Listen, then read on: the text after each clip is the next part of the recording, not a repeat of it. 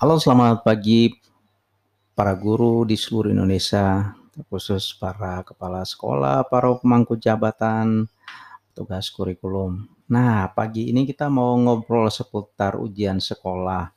Tapi saya mau tanya dulu nih, uh, Bapak Ibu guru, apakah sudah baca surat edaran Mendikbud nomor 1 tahun 2021?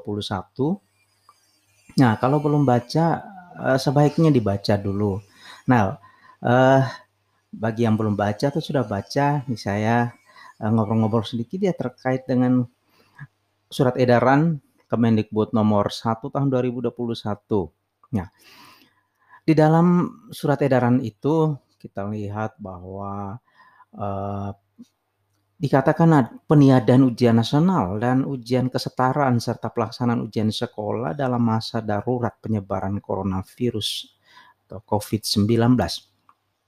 Di situ Bapak Ibu, uh, surat edaran tersebut ditandatangani Mendikbud Mas uh, Nadim Anwar Makarim pada tanggal 1 Februari 2021 dan ditujukan kepada gubernur, bupati, dan wali kota di seluruh Indonesia Nah, dalam surat edaran Mendikbud nomor 1 tahun 2021 itu tercantum keputusan ya meniadakan ujian nasional dan ujian kesetaraan seperti yang tadi saya sudah sebut ya. Uh, terus berkenan dan penyebaran Covid ya yang sampai saat ini belum juga mereda ya. Uh, di sini saya juga sangat bersyukur ya mungkin beberapa minggu terakhir ini di beberapa daerah juga di tempat saya para guru terkhususnya sudah mulai menerima vaksin yang pertama ya vaksin. Nah kita bersyukur banget ya pemerintah sudah uh, melihat memberikan program dan kita bisa mengikuti. Uh, semoga di tahun pelajaran yang akan datang kita bisa tatap muka. Itu harapan kita semua. Nah, lanjut ke obrolan berkaitan dengan ujian sekolah tadi. Uh, sebenarnya dalam surat edaran itu apa saja yang disebutkan sih? Nah, di sini saya mau sampaikan ada tiga hal yang menjadi persyaratan kelulusan ya di, di dalam surat edaran itu disebutkan ada tiga syarat atau persyaratan kelulusan peserta didik dari satuan pendidikan yaitu yang pertama peserta didik menyelesaikan program pembelajaran di masa pandemi COVID-19 yang dibuktikan dengan rapor tiap semester. Jadi tidak hanya bahwa dia menyelesaikan, tapi perlu ada bukti, yaitu apa? Raport ya rapor tiap semester. Kemudian yang kedua, peserta didik memperoleh nilai sikap atau perilaku minimal B atau baik.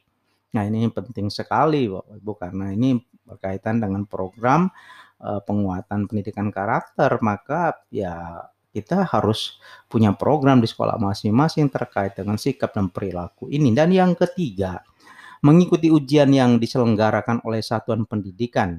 Nah, yang ketiga ini Bapak Ibu, gimana sih cara mempersiapkan ya ujian ujian yang diselenggarakan oleh satuan pendidikan seperti apa? Nah, mari kita lihat bahwa ujian sekolah yang diselenggarakan oleh satuan pendidikan itu sebagai penentu kelulusan peserta didik bisa bisa dilaksanakan dalam bentuk portofolio, kemudian penugasan, tes luring atau daring, dan dalam bentuk kegiatan penilaian lain yang ditetapkan oleh satuan pendidikan. Ya, itu artinya bahwa satuan pendidikan punya otonomi Bapak Ibu ya. Jadi setiap sekolah jangan terlalu merasa takut. Kita sudah diberi keluasaan, kita sudah diberi kewenangan bahwa kelulusan ditetapkan oleh satuan pendidikan, maka perlu ada uh, gebrakan, perlu ada program penyusunan program persiapan ujian sekolah ini dengan baik. Nah, mungkin ada yang bertanya, portofolio itu berupa apa sih? Ya, kalau portofolio itu berupa evaluasi atau nilai raport atau nilai sikap dan prestasi yang diperoleh sebelumnya ya, berarti semester sebelumnya Misalnya apa? Penghargaan, ya penghargaan macam apa ya? Penghargaan ya dari dari sekolah maupun dari luar sekolah selama kegiatan, baik itu berhubungan langsung dengan mata pelajaran atau dalam kegiatan-kegiatan. Misalnya kalau di tempat saya di SMP Kita Bangsa, ya, itu kami punya banyak program dan setiap program atau kegiatan siswa kami selalu menyiapkan sertifikat itu penghargaan apalagi mereka yang berprestasi. Juga hasil-hasil perlombaan baik di dalam sekolah maupun di luar. Ya silakan ditentukan. Oh ya, dari tadi saya lupa ya memperkenalkan diri padahal ini podcast saya yang pertama loh.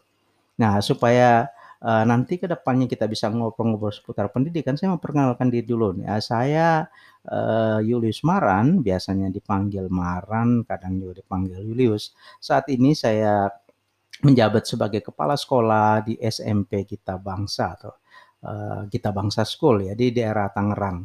Ya, semoga ke depannya kita bisa banyak berbagi seputar pendidikan.